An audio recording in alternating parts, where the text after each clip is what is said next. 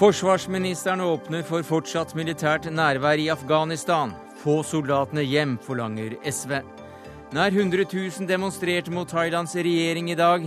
Flere departementer okkupert. Og i kveld ble det innført unntakstilstand i Bangkok. Norge investerer tungt i halvparten av de 90 verste klimasynderne i verden. Vi påtar, påtar oss et stort ansvar for en kokt klode, mener Naturvernforbundet.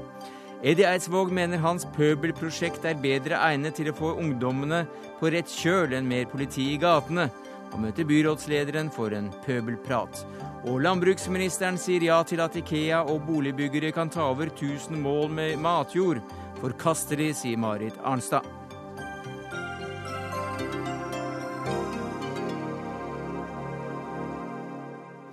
Ja, Det er noen av sakene i Dagsnytt 18 denne mandagen, der vi også tar en runde på atomavtalen med Iran.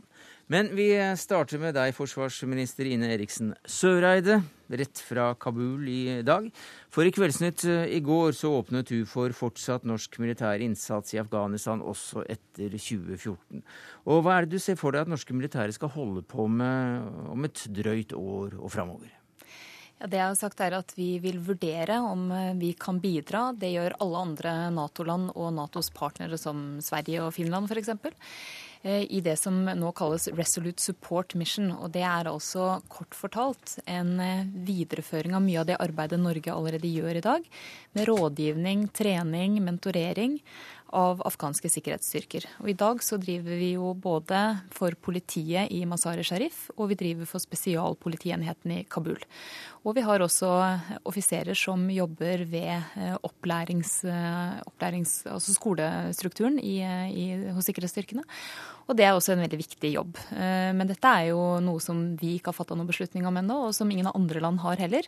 Men det er viktig å signalisere at vi ser på muligheten for å gi et mindre bidrag også etter 2014. Noe som ble tolket som å åpne opp for. Som vi hørte i morges, så mener SV uansett at dette er en ganske dårlig idé. Og hvorfor det, SV-leder Audun Lysbakken? Jeg mener det ville være en uklok beslutning. Nå er det jo positivt hvis regjeringen ikke har bestemt seg av media. Da kunne det se litt annerledes ut. Eh, jeg, jeg mener det ville være uklokt av to grunner. For det første fordi eh, ingenting tyder på at et fortsatt utenlandsk militær nærvær er veien fram for Afghanistan. Tvert imot så har altså sikkerhetssituasjonen vært i en eh, stadig forverring de siste årene. og Det er en veldig bekymringsfull tendens. Og så mener jeg at det er heller ikke riktig prioritering for Norge. Norge har altså hatt militære styrker i Afghanistan nå i et tiår. Eh, vi har brukt eh, mye eh, ressurser. Veldig mange mennesker har vært der.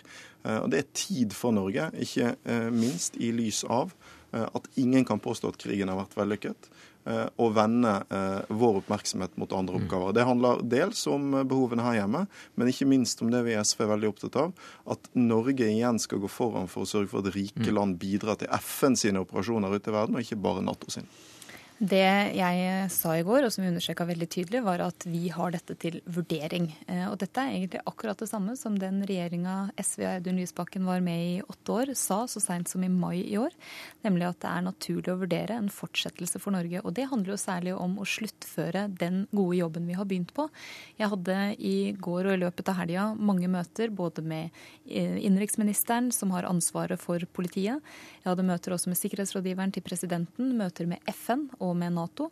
Og alle sier det samme. Dette er et bidrag Norge yter som er veldig velkomment, som er veldig verdsatt, og som gir en direkte hjelp og støtte til afghanske sikkerhetsstyrker. Jeg tror ikke du på det, Elisabeth? Jo, eh, jeg er ikke et sekund i tvil om at regjeringen også vil oppleve et betydelig pågang eh, og press for å bli værende i Afghanistan. Eh, både av militære grunner. De norske Eh, soldatene som deltar, er dyktige, eh, og sånn sett et etterspurt bidrag. Men ikke minst også av politiske grunner, fordi amerikanerne ikke har lyst til å bli værende alene igjen. Eh, men jeg vil jo sterkt advare regjeringen mot nå å ta en beslutning som bare liksom blir tatt nærmest på autopilot ut fra den si, vanlige USA-lojaliteten til Høyre og Fremskrittspartiet.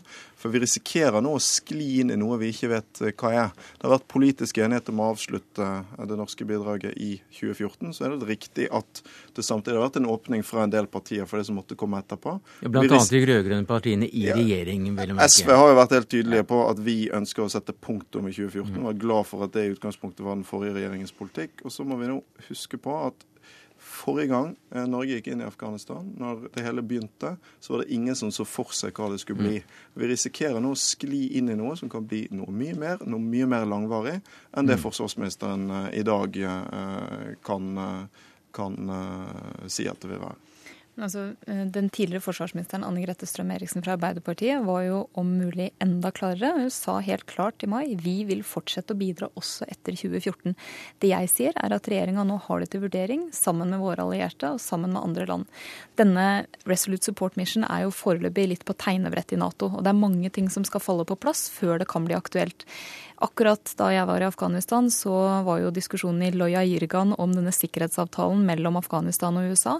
Og en tilsvarende avtale, tilsvarende rammeverk, må altså på plass før det kan bli aktuelt å snakke om en Resolute Support Mission. Mm. Dette er jo sannsynligvis ikke noe som kommer på plass før i februar-mars. Men du hørte Lysbakken si her at uh, regjeringen kan lett da føre oss inn i noe som vi ikke har oversikt over? Altså, jeg er ikke bekymra for at uh, vi skal fortsette det bidraget vi driver i dag. Det er et begrensa bidrag, men det er et veldig viktig bidrag. Og dette er noe vi har gjort i mange år i Afghanistan, og vi har god erfaring med det. Og det er noe afghanske myndigheter etterspør. Og det må jo finnes helt klare rammer for den operasjonen vi i så fall skal være en del av, men det er det for tidlig å si noe om ennå. Og i tillegg så viderefører jo vi denne avtalen om langsiktig bistand til Afghanistan. Der er det lovt 750 millioner kroner i året fram til 2017. En del av det skal gå til å finansiere sikkerhetsstyrkene. Og det var jo Audun Lysbakkens egen regjering som kutta 50 millioner av det bidraget for 2014. Det har å gjøre med manglende oppfyllelse på afghansk side, men vi er også innstilt på å fortsette den avtalen vi har inngått med Afghanistan. Ja, det Bistandskuttet det var jo eh, en konsekvens eh, av avtaler som ikke ble møtt, og en del ting som ikke fungerer som det skal i den afghanske regjeringen, så det var riktig. Vi ønsker å opprettholde et høyt nivå på sivil bistand. Eh, vi ønsker å bidra til at Afghanistan kan bygge sine egne institusjoner.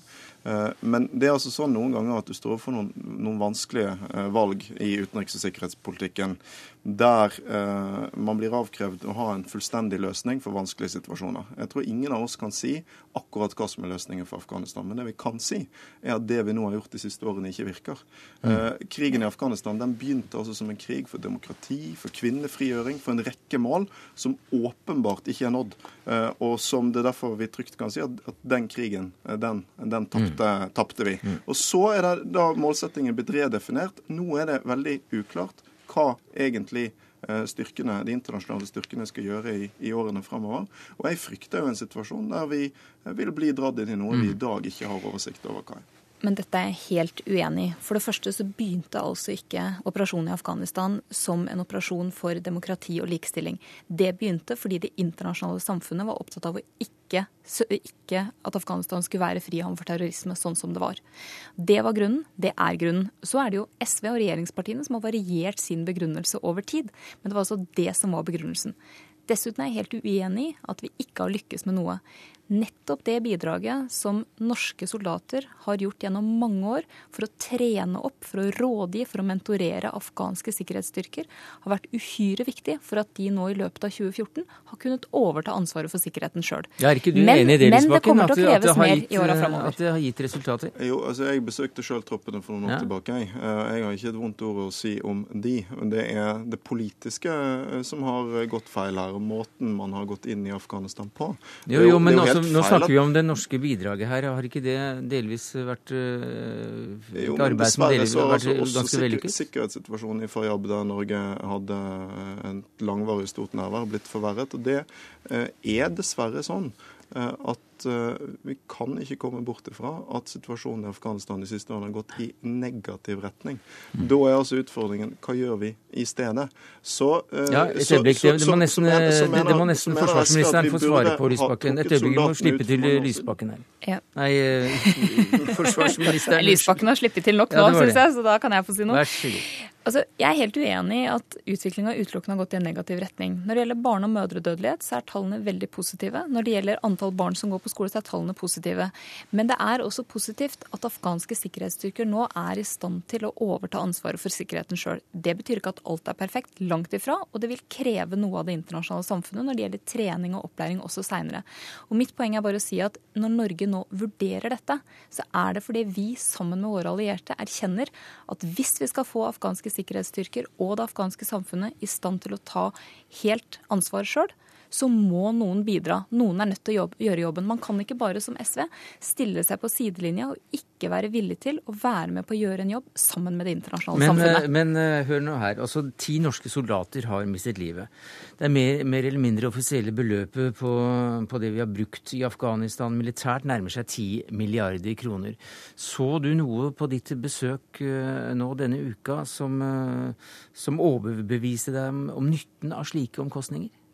Ja, jeg så det, og det har jeg også nå forklart en god del om. Både det at afghanske sikkerhet, sikkerhetsstyrker nå er bedre rusta, og det også har kommet positive sideeffekter, som f.eks. at flere barn går på skole, og at, eh, at barne- og mødredødeligheten går ned. Det er ikke begrunnelsene for hvorfor vi er til stede i Afghanistan, men det er viktige sideeffekter. Jeg holdt nå, som jeg har gjort de to andre gangene jeg har vært i Afghanistan, minnetale ved minnelunden over de norske soldatene som har falt. Det er en sterk opplevelse hver gang. og det forteller forteller noe om det offeret som soldatene har gjort, det offeret familiene deres har gjort, for å gjøre verden til et tryggere sted. Og det fortjener all mulig anerkjennelse og respekt. Takk skal du ha, Ine Eriksen Søreide, forsvarsminister. Takk til deg, Audun Lysbakken, leder i SV.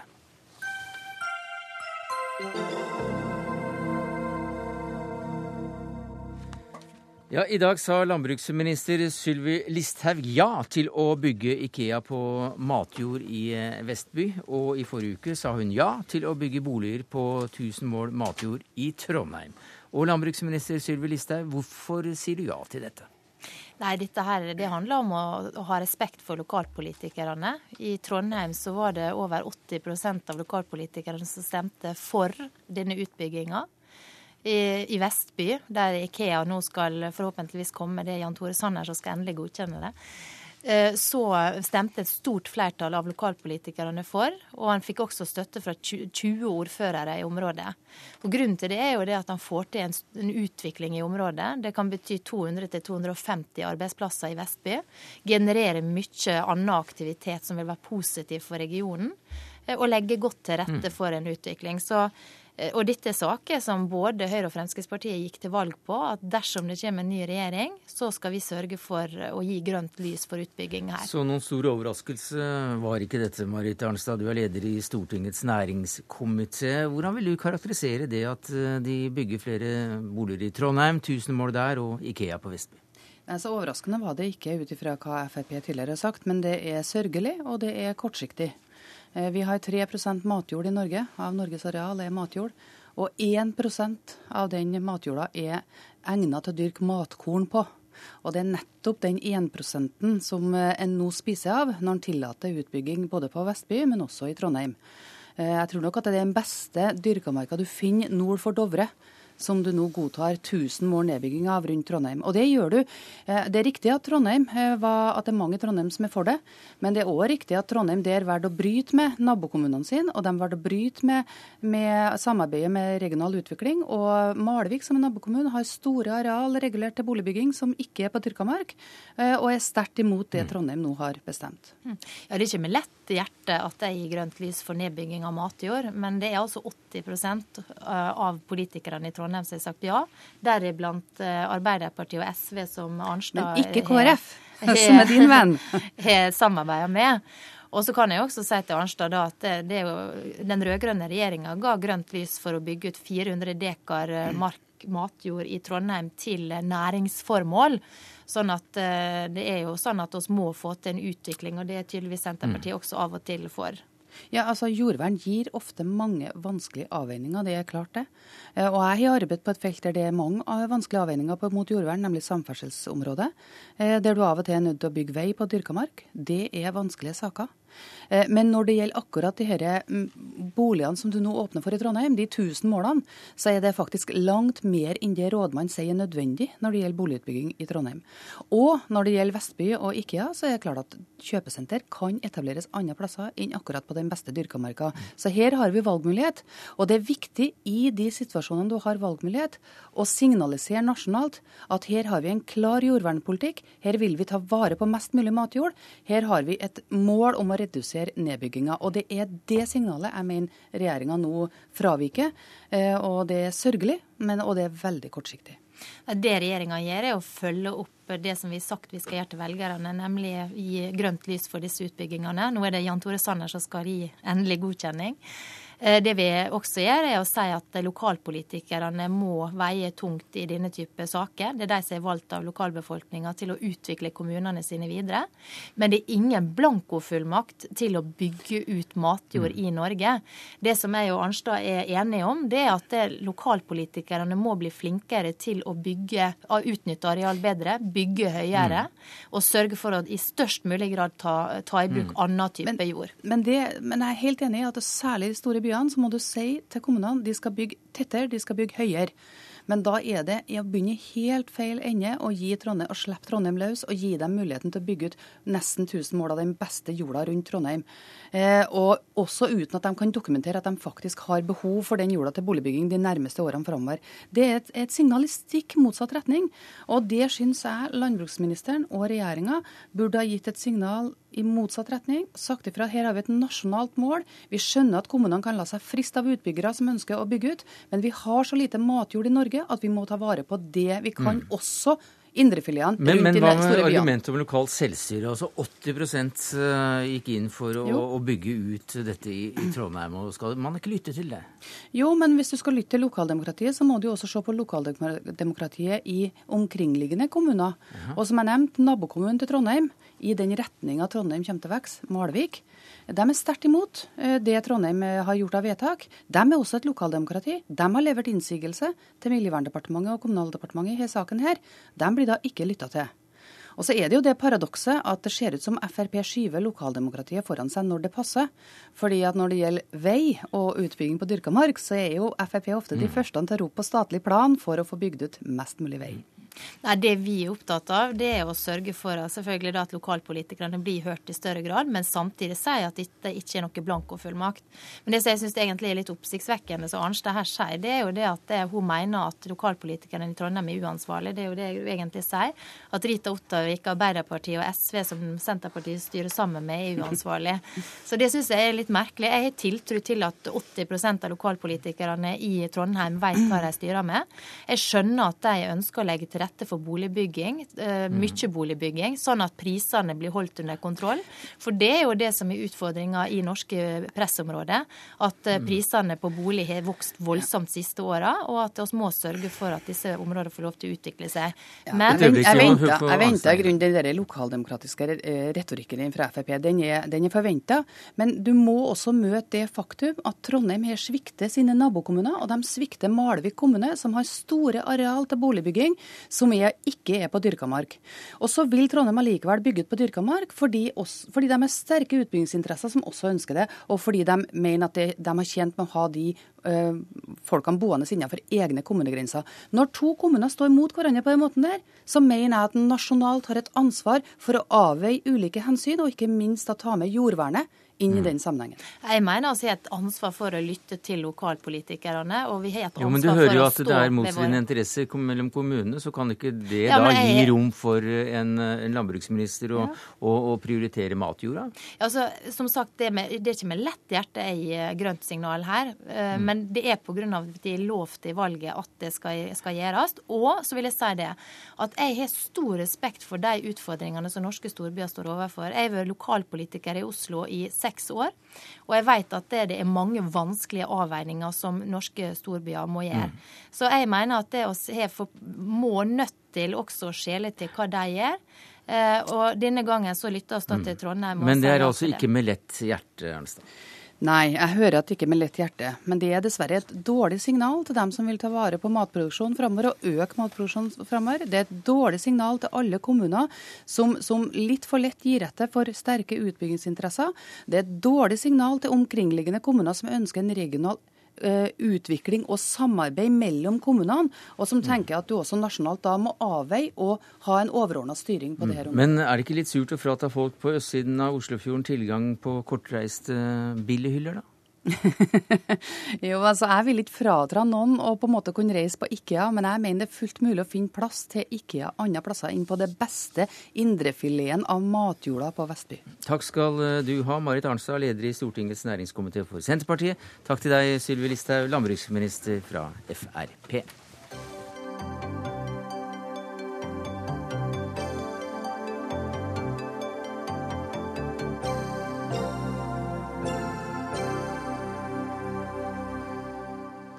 Ja, I eh, Bangkok har demonstrasjonene økt i eh, både form og styrke i dag. Nær 100 000 demonstranter skal ha markert sin forakt for regjeringen. Både Utenriksdepartementet og Finansdepartementet er okkupert. Og For en time siden ble det kjent eh, at Thailands statsminister erklærer unntakstilstand for Bangkok.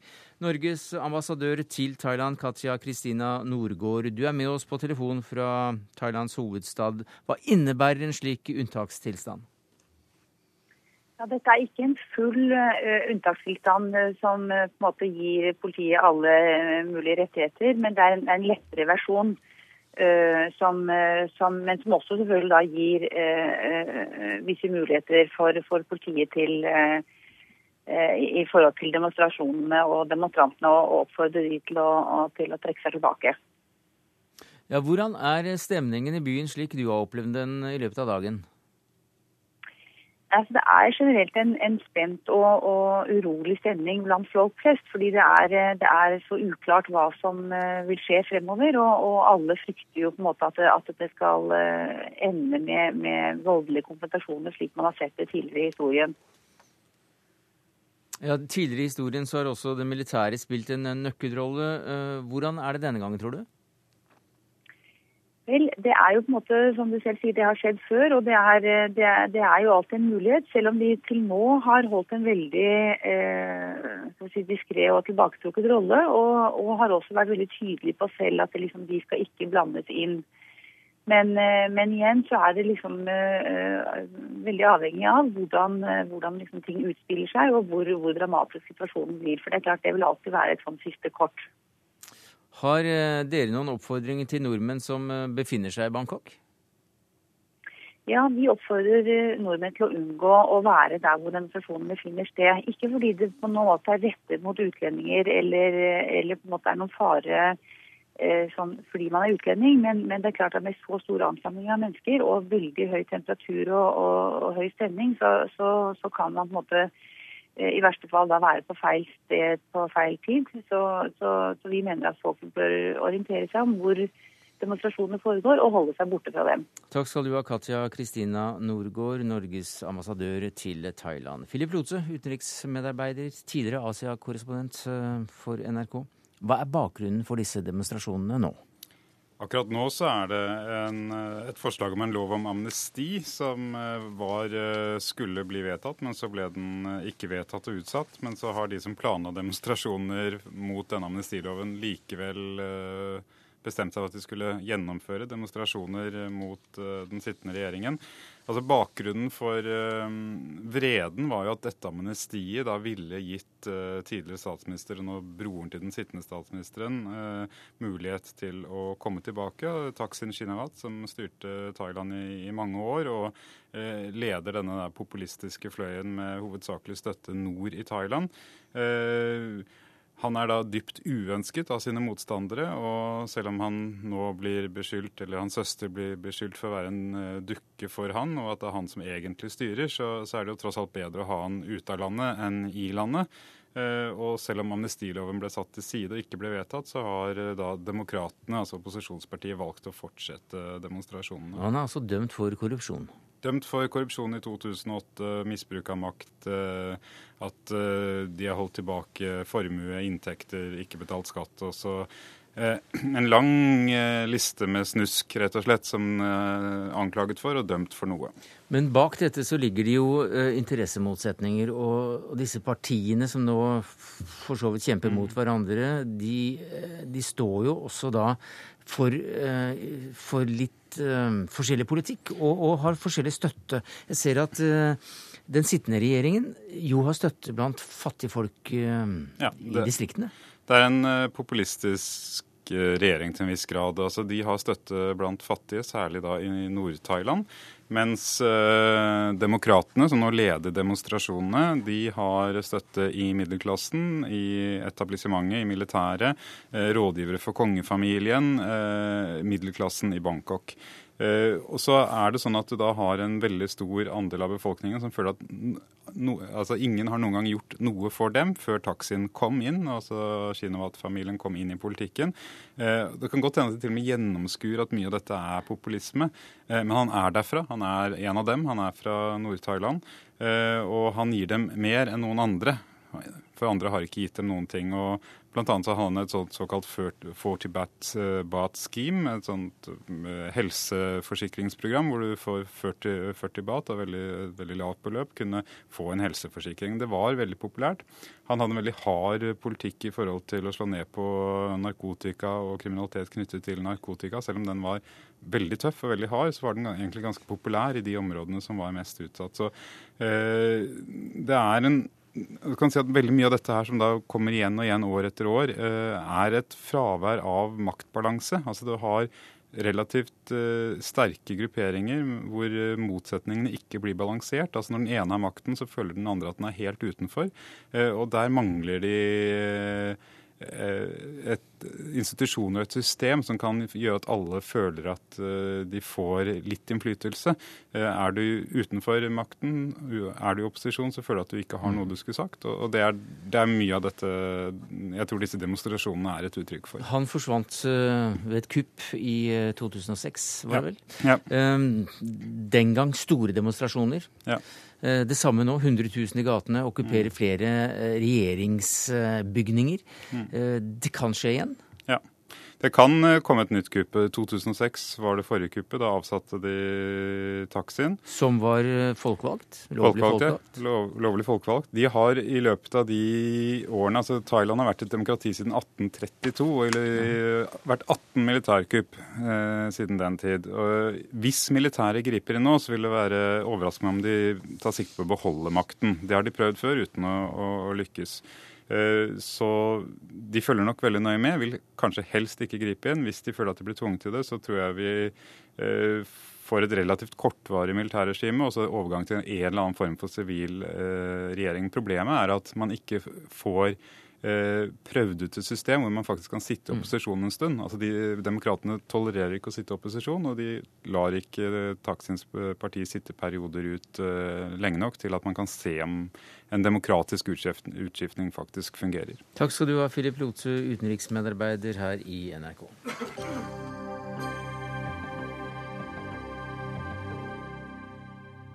Ja, så um, skal vi til uh, en uh, sak som uh, har med pøbler å gjøre. For vi har en kar som heter Eddie Eidsvåg, som har jobbet med et pøbelprosjekt i en god del år, helt siden 90-tallet. Og du reagerte da du fikk nyheten om at metoden som skulle brukes i Oslo for å få bukt med ungdomsranere, det var mer politi i gatene og mer uniformerte folk. Hvorfor det? Altså det, det, det, om, det er en metode for å ta ranerne, det. Da har jo allerede gjort rana. Altså, da, da, er det for seint ute. Altså, du må begynne foran. og må, Vi må bruke midler, bruke fritidsklubber, bygge opp fritidsklubber. Vi må gjøre noe for ungdommen, slik at det ikke blir ranere. Hvis man setter inn politi og, og, vakter, så er det bra, for vi trenger mer politi og vakter. Men det er ikke for å ta ungdommen. Altså, Da er vi ute etter å ta dem. Vi må gi dem mulighet, vi må gi dem håp. Vi må peke på mulighetene de har, og bruke ressursene sine til noe positivt. Så det er feil medisin? Ja, det, det, det, er, det, er, helt feil medisin. Altså, det er eh, konsekvensen av at de handler. Altså Konsekvensen av ran er at de blir tatt av politiet. Og det skal det være. Altså, sånn skal det være. Er det, gjør du noe ulovlig, så skal du bli tatt og ta straffen din. Men det er ikke det. Man blir ikke, blir ikke kvitt ranerne på det, altså. Feil medisin, Stian Berger Røsland, du er byrådsleder i Oslo. Jeg tror i og for seg at det er nødvendig å, å, bruke politi for å ta folk som uh, begår kriminelle handlinger. Men, men, det er jo viktig å ha med i dette bildet at ungdomskriminaliteten i Oslo er jo uh, på rett vei. Altså Fra 2006 til i dag så har ungdomskriminaliteten i Oslo, barne- og ungdomskriminaliteten, blitt redusert med mellom 20 og 25% Det var derfor dere holdt pressekonferanse og sa at nå må det mer politi i gatene? Jo, akkurat når vi hadde den situasjonen hvor så mange opplevde utrygghet, og hvor du hadde også en, en økning i antall ran, så var det også nødvendig. Men siden 2006 så har barne- og ungdomskriminaliteten i Oslo falt med 20-25% Færre og færre ungdommer i Oslo tas for kriminelle handlinger. De begår færre kriminelle handlinger. Eh, og andelen barne- og ungdomskriminalitet blir stadig mindre det er, del det, er, det, er ikke av bildet. det er ikke en bølgetopp, det er en bølgedal når det gjelder eh, ran i Oslo, som også har med ungdom å Ja, men jeg syns det er viktig at vi får frem det også. At uh, det blir stadig mindre barne- og ungdomskriminalitet i Oslo. Og akkurat nå så har vi hatt en liten bølge. Det går an å diskutere hvor stor eller liten den har vært. Og pga. den lille bølgen så har du altså gått inn eh, i et samarbeid med Oslo politi, holdt felles pressekonferanse og sagt at vi må ha mer politi i gatene og mer uniformer blant såkalte sivilister. Spørsmålet er da om det er den riktige medisinen. Jeg mener at det er en av de tingene vi skal gjøre. Så skal vi gjøre mer av det andre vi har gjort. Vi skal fortsette samarbeidet i det vi kaller Salto. Sammen lager vi tryggere Oslo. Hvor politi, barnevern, skole, eh, lokalsamfunn jobber sammen for å identifisere ungdom i en risikosone. Fange opp de som har eh, kommet utenom, før de får altfor mange ulike forhold på, på rullebladet. Og så er det sånn at Noen ganger så får vi en liten bølge, og det har vi hatt akkurat nå. og Da trenger vi også å bruke ordensmyndighetene for å slå det tilbake. Nei, for Jeg ser på en pressemelding som eh, Pøbelprosjektet har sendt ut i dag. Så tilbyr eh, dere deres eh, tjenester og mener at dere kan endre ungdomsranernes eh, holdninger og få dem ut i arbeid eller skole i løpet av 22 uker. Og kanskje før det òg. Seks uker så er ungdommen i arbeid. Vi har 7600 arbeidsgivere i Norge som har sagt ja til å ansette pøbler. øh, på ordinære vilkår. Altså- Ja, For du altså- kaller dem pøbler? Ja, pøbel. Pøbel betyr folkelig. Det brede laget av folket. Det er det pøbel betyr. Det kommer av latinsk ordet publius. Men, men, blir, for meg blir det helt absurd. Vi vet at for hver ungdom vi får ut, og dette er visst analyse, og nå skal Veritas, for hver ungdom vi får i arbeid, så sparer samfunnet 11 millioner. Det er de 11 millionene som Oslo kommune nå har fjernet på fritidsklubber og kultur. Så Vi har ikke fjernet en, noe på fritidsklubber, er- vi. I budsjettet så Nei, vi har ikke det. Jo, på kulturbudsjettet har dere gått ned 11 millioner. Nei, vi har gått ned 2,8 millioner på okay, kulturbudsjettet. Da har jeg blitt feilinformert. Men, men jeg tror ikke det er det som er, er løsningen. Poen, jo, men poenget mitt er når, du skal, når du skal ta, si at ungdommen skal mer politi og vakter for å ta ungdommen.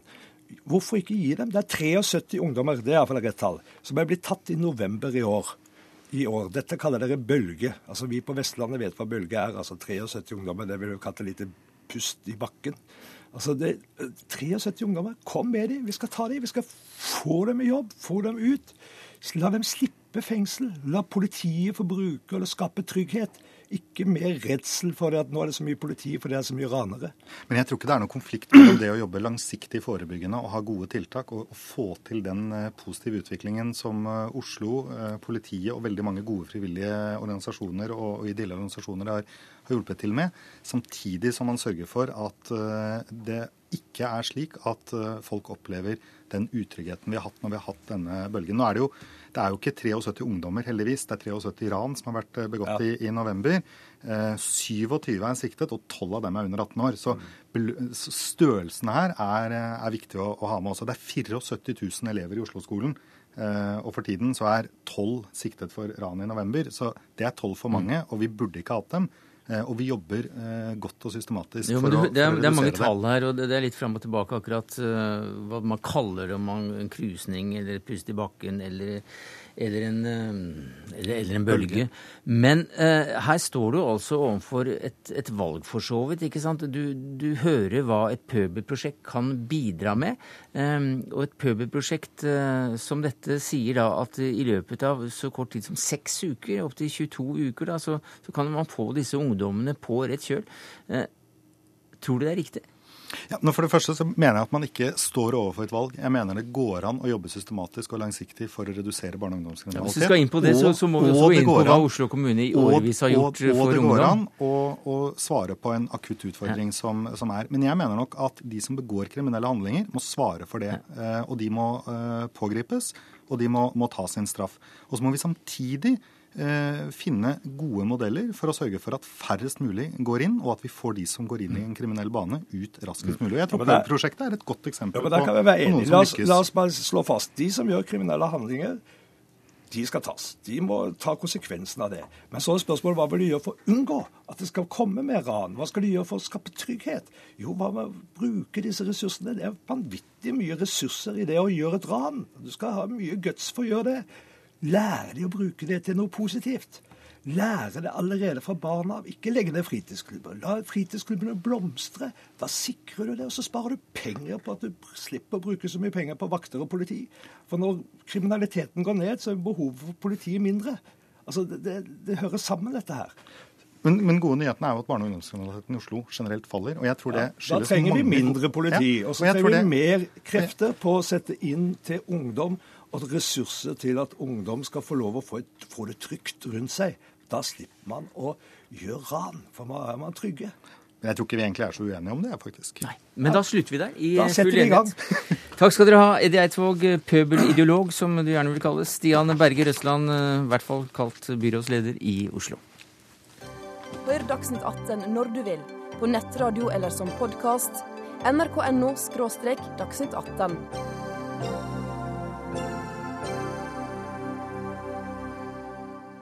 Ja, Så ble det altså en avtale med Iran om landets eh, atomprogram. Seniorforsker ved Norsk utenrikspolitisk institutt, Sverre Loddgaard.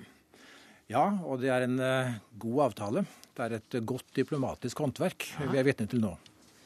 Ja, Det var altså da Sikkerhetsrådets fem faste medlemmer, eh, USA, Kina, Russland, Frankrike, Storbritannia, og da pluss Tyskland, som forhandlet seg fram til, eh, til denne avtalen med Iran i Genéve. Hva er det denne avtalen korthet går ut på?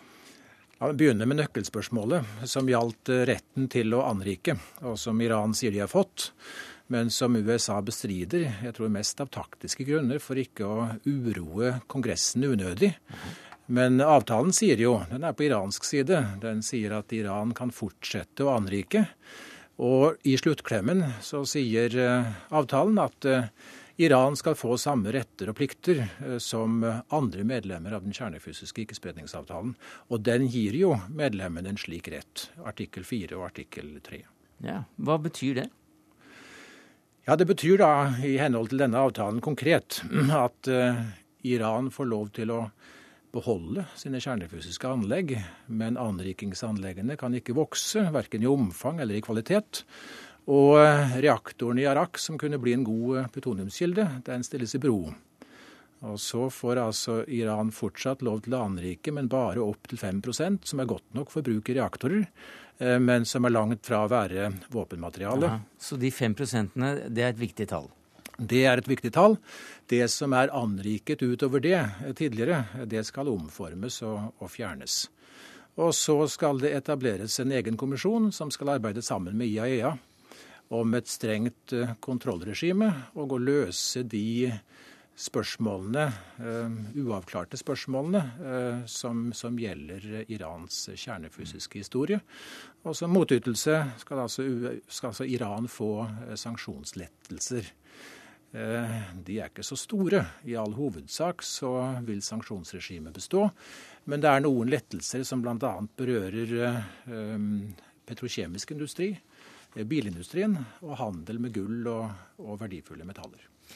Eh, vi skal til Iran, for med oss på telefonen her så har vi eh, Jens Petter Kjemperud. Du er, Kjemperud, du er eh, ambassadør til Iran. Vi finner deg i den norske ambassaden der. Hvordan er avtalen mottatt i, i landet der du er nå?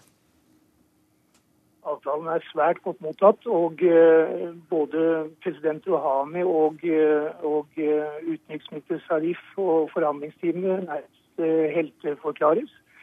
Det har vært et sterkt ønske i Iran i lang tid om å få en løsning på dette utestående problemet. Samtidig så er det en stor grad av realisme som, som kommer fram i kommentarer fra, fra iranske ledere. Eh, man vet at det er en midlertidig avtale, men man er realistiske på at mye gjenstår. Og eh, at man trenger eh, å gå videre i forhandlingsløpet. Store deler av dette går ut på, som også er kommet fram i en del samtaler jeg har hatt med iranske ledere, at de, de må nå må styre forventningene både fra folket og fra kritiske røster innen, innen det iranske politiske etablissementet som, eh, som, eh, der hvor man finner ganske mange som er kritiske. Men Rouhani-administrasjonen eh, virker å ha gjort et utrolig godt fotarbeid på dette, slik at i dag framstår Iran ganske samlet rundt ønsket om å videreføre dette til en endelig løsning av atomspørsmålet.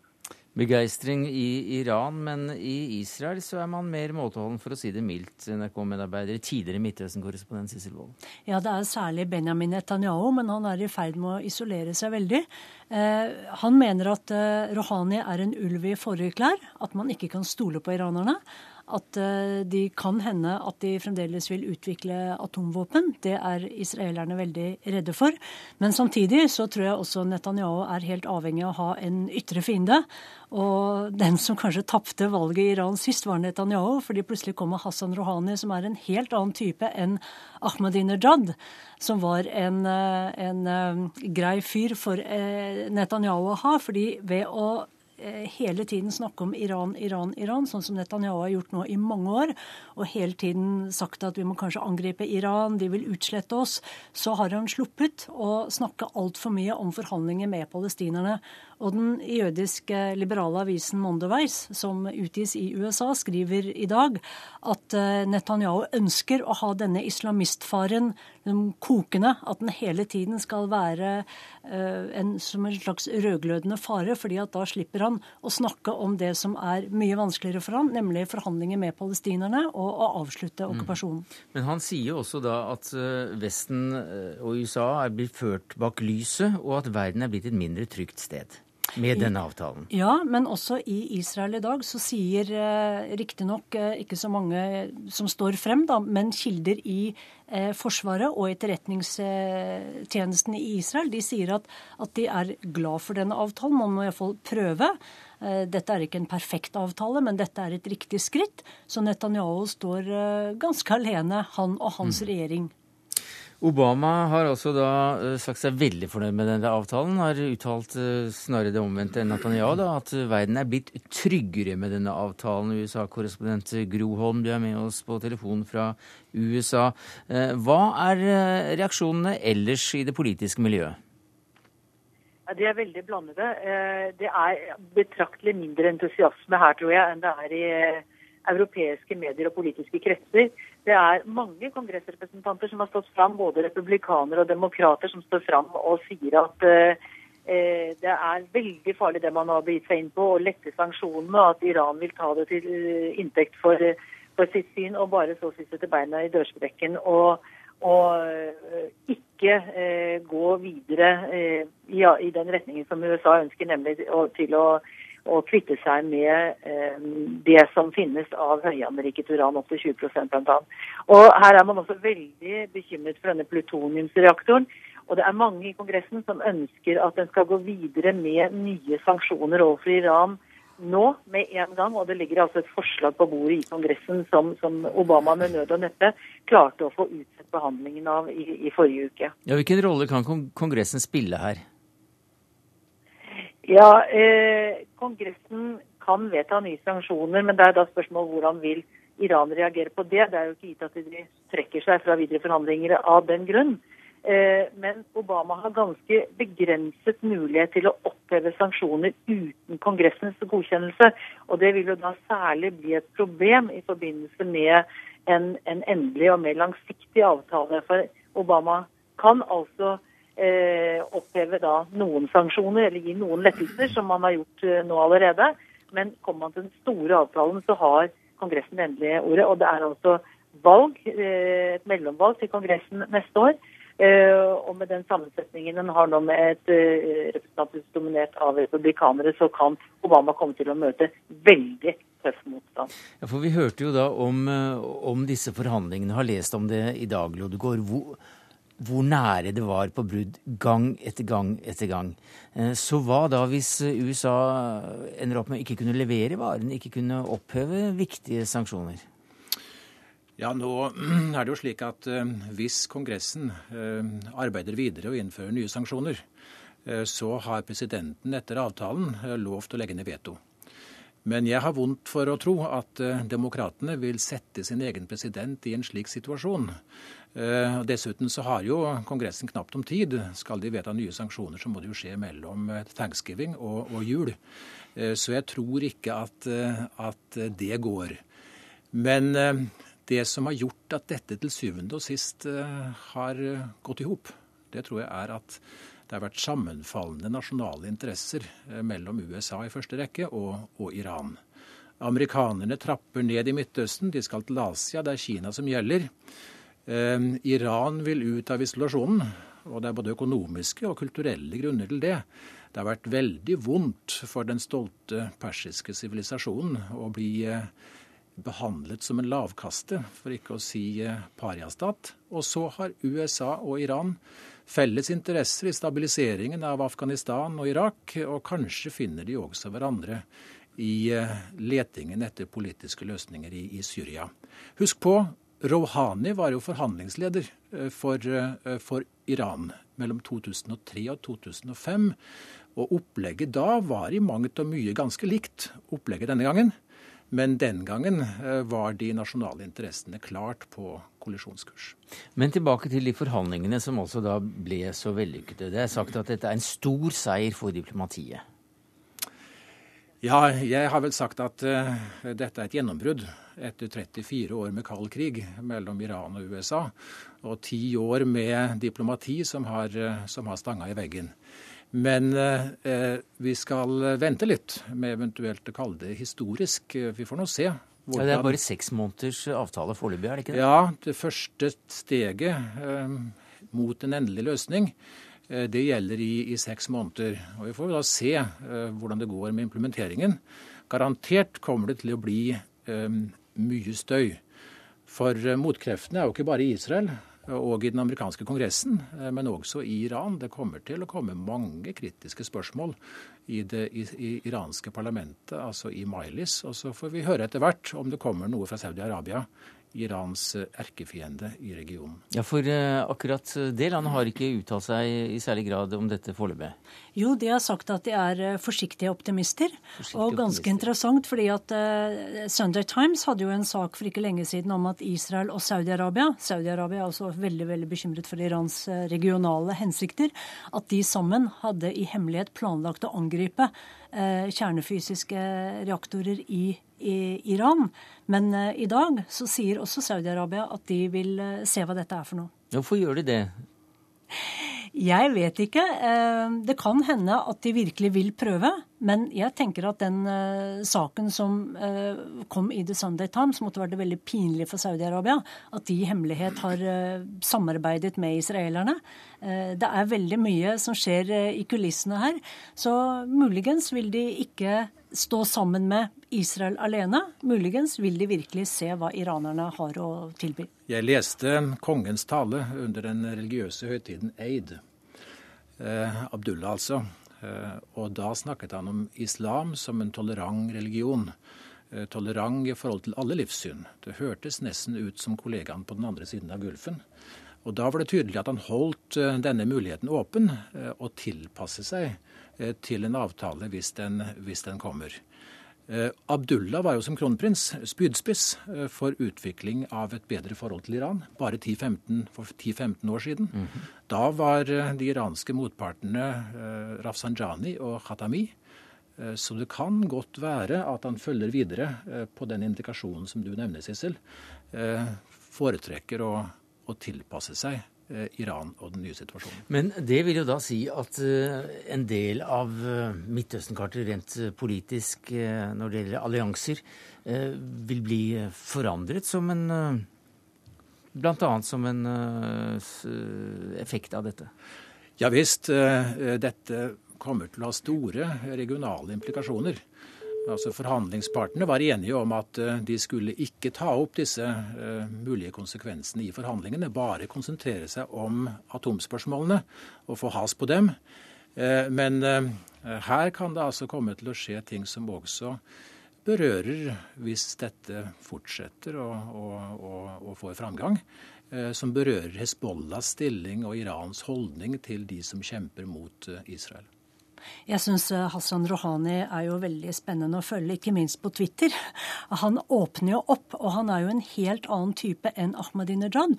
Og for Israel så var jo de veldig opptatt av at Ahmadinejad var en holocaust-fornekter, mens Hassan Rouhani har eh, på CNN tatt avstand fra nazistenes eh, ugjerninger, selv om han ikke brukte ordet holocaust. Det ble en del diskusjon om oversettelsen der, men det er jo også et veldig viktig skritt, eh, et, et, et viktig signal fra Teheran. Jens Petter Kjemperud, som norsk ambassadør i Teheran, hva får du inntrykk av at folk flest, hvis det går an å bruke det uttrykket, håper kan komme ut av denne avtalen? Det man håper eh, blant eh, befolkningen, er at dette skal endre Irans forhold til hele det internasjonale samfunn, og Vesten spesielt.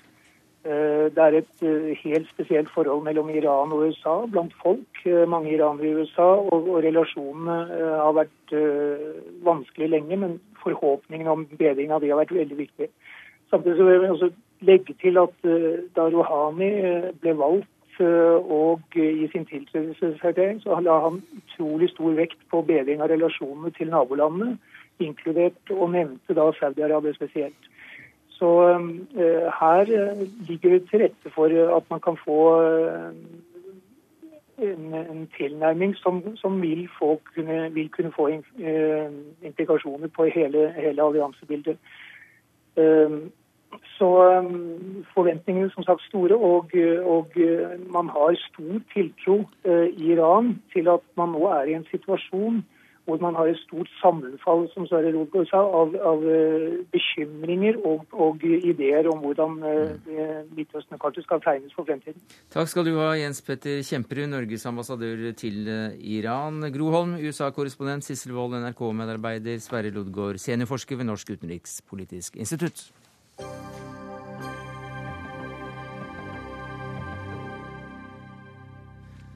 Oljefondet har investert i halvparten av de 90 verste selskapene som presenteres som klimaverstinger i en omfattende studie. Ifølge den amerikanske forskningsrapporten er disse selskapene ansvarlig for 63% av verdens totale utslipp av klimagasser siden 1750. 50. Også Statoil har fått plass på listen som britiske The Guardian presenterte nå i helgen. Og Lars Haltbrekken, du er leder i Norges naturvernforbund. Hva slags selskaper er det snakk om? Nei, Det er mye olje- og gasselskaper. Det er selskaper som uh, slipper ut mye klimaforurensning.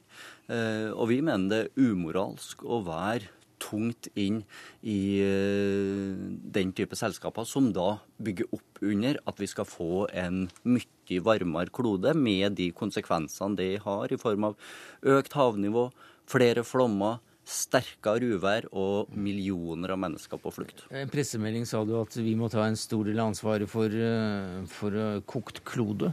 Helt klart.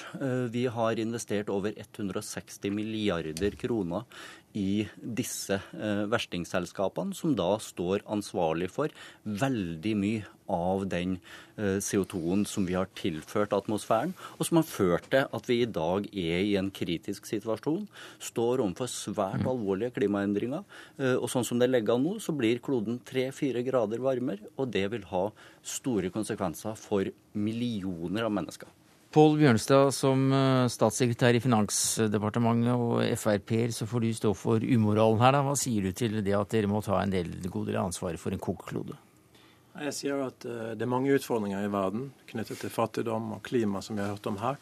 Men vi kan ikke løse alle de utfordringene gjennom oljefondet. Det må vi løse gjennom andre politiske prosesser, internasjonale forhandlinger, miljøtiltak på nasjonalplan og andre tiltak. Vi kan ikke bruke oljefondet til det. Det var ikke derfor vi etablerte oljefondet. Oljefondet etablerte vi slik at fremtidige generasjoner kan dra nytte ut av de inntektene vi har fra olje og gass, til å finansiere offentlig velferd i lang, lang tid fremover. Vi trenger ikke eh, Eller det, det, er riktig at vi ikke kan løse alle verdens eh, problemer med, med oljefondet, men vi trenger i hvert fall ikke å bruke oljefondet til å koke denne kloden, eh, som vi da faktisk er med på å gjøre, når vi investerer over 160 milliarder kroner i fossilindustrien. Og disse investeringene er jo bare lønnsomme så lenge verdens miljøvernministre, inkludert den norske, mislykkes i sitt viktige mm. arbeid med å få på plass en internasjonal klimaavtale. klimaavtale. Nå skal vi ikke glemme hvor pengene i dette oljefondet kommer fra. De kommer fra olje- og gassproduksjon på norsk sokkel. Og til dels fra noen av de selskapene som nå Haltbrekken ønsker at vi skal trekke oss ut fra. Så han mener det er OK at uh, oljefondet tjener penger på disse selskapene på norsk sokkel, men vi kan altså ikke eie andeler i de. Det er, det er, dobbelt, det er en dobbeltmoral. Det, og det, det, er det ene. Og det andre det, det, det, er ikke riktig. Det er ikke riktig okay. for, for, vi, for, vi, er jo blant de som virkelig mener at Norge og andre land må redusere sitt uh, utvinningstempo. Uh, og flere av disse selskapene uh, henter jo også klimaforurensninga si fra norsk sokkel. Jeg tror det er 19 av disse selskapene som faktisk gjør det. Og det bør vi også slutte med. Vi bør begynne å redusere utvinningstempoet fra norsk oljesektor. Det synes er et realt eh, standpunkt, men jeg får også forklare til det norske folk at dette vil innebære en betydelig reduksjon i lønnsnivå, i velferd i Norge. Og du får også eh, si til de 200 000 som jobber eh, og har arbeidsplasser knyttet til olje- og gassnæringen i Norge, at de må redusere og finne seg noe annet å gjøre. Men uansett hvordan vi vrir og vender på det, enten så kommer eh, oljeindustrien i Norge til å ta slutt eh, pga. at vi tømmer det helt og det ikke er noe mer olje der. Eller så tar den slutt fordi at det internasjonale samfunnet ser at nå er vi nødt til å ta klimatrusselen på alvor. Klimaforskere sier at skal vi klare å begrense de globale oppvarminga til maksimum to grader, Altså ikke få en katastrofal oppvarming på tre-fire grader uh, med mm. millioner av mennesker på flukt. Ja, så må fire femtedeler av det som er funnet av olje og gass, bli liggende. Mm. Men det er, litt, det er, en litt, annen debatt. For, fordi uh, vi er også da i en situasjon der vi investerer tusen uh, av milliarder av kroner. Og, I koke kloden i å koke kloden. Og det er umoralsk. Og da er vi tilbake til, til utgangspunktet. Og hvordan ser du på det, Bjørnestad, å vri eh, denne store porteføljen en, i en annen retning? Eh, nå har det vært vurdert eh, av Graver-utvalget for ca. ti år siden hvorvidt det er bedre å trekke seg ut fra kullselskaper, fra oljeselskaper, eller å ha eierandeler i disse selskapene, og gjennom disse eierandelene forsøke å påvirke selskapene. Og Utvalget konkluderte at det er bedre å forsøke å påvirke selskapene. Vi eier f.eks. i Chevron, uh, ifølge hjemmesiden til uh, Norges Bank og oljefondet, uh, 0,74 I Exxon 0,78% Det vil ikke ha noe betydning for disse selskapenes oppførsel om vi selger oss ut, men gjennom eierandeler så har vi en mulighet for å påvirke. Men da hadde det jo vært veldig artig å høre hva er det den norske regjeringa har gjort for å påvirke mm. disse skitneste selskapene? Det får du høre nå. Ja. Dette er et viktig område for Norges Bank i dialog med, med selskapene, og utfordre de på å ha tilstrekkelig beredskap når det gjelder klimarisiko. Men uten, uten en slik eierandel så har vi ikke noen mulighet for å påvirke disse selskapene. Jo, men Det som man må gi disse selskapene beskjed om, det er jo at de må kutte utslippene av klimagasser som gir en kokt klode. Og spørsmålet er har den norske regjeringa og de tidligere regjeringene øh, gjort det? Har man gitt en sånn beskjed til det? For å redusere klimagass eh, og, og, og ha med, med, klimautfordringene å gjøre, så må vi bruke de politiske virkemidlene vi har, internasjonale avtaler. Vi kan ikke bruke eh, eierskapet i disse selskapene til å løse nettopp, de, de, de utfordringene. Jeg syns nettopp det var det du sa, at det var argumentet for å fortsatt øve, ha investeringer i disse selskapene. At da kunne vi bruke eierandelene til å påvirke dem. Men så sier du at det skal vi ikke, for det skal vi ha de internasjonale avtalene til å gjøre. Vi har dialog med disse selskapene gjennom Norges Bank for å, at de skal ha beredskap til å ta vare på klimarisiko, og også være mest mulig energieffektive. Jeg tror nok det beste signalet som vi kunne ha sendt eh, til verden og til markedene, var at vi faktisk trakk oss ut av disse selskapene. Da bidrar vi ikke, i samme grad hvert fall som før, mm. til eh, å ødelegge denne kloden. Men jeg leser det slik at det ikke er aktuell politikk, i hvert fall i denne perioden? Vi eh, skal vurdere, vi legger frem en stortingsmelding hvert eneste vår om forvaltningen av petroleumsfondet. Og Der kommer det nyheter om det. Ja. Takk skal du ha, Pål Bjørnestad, statssekretær i Finansdepartementet. Takk til Lars Halbrekken, leder i Norges naturvernforbund. Det var det vi rakk denne mandagen, takket være Dag Dørum, Karl Johan Rimstad og jeg til Sverre Tom Radøy.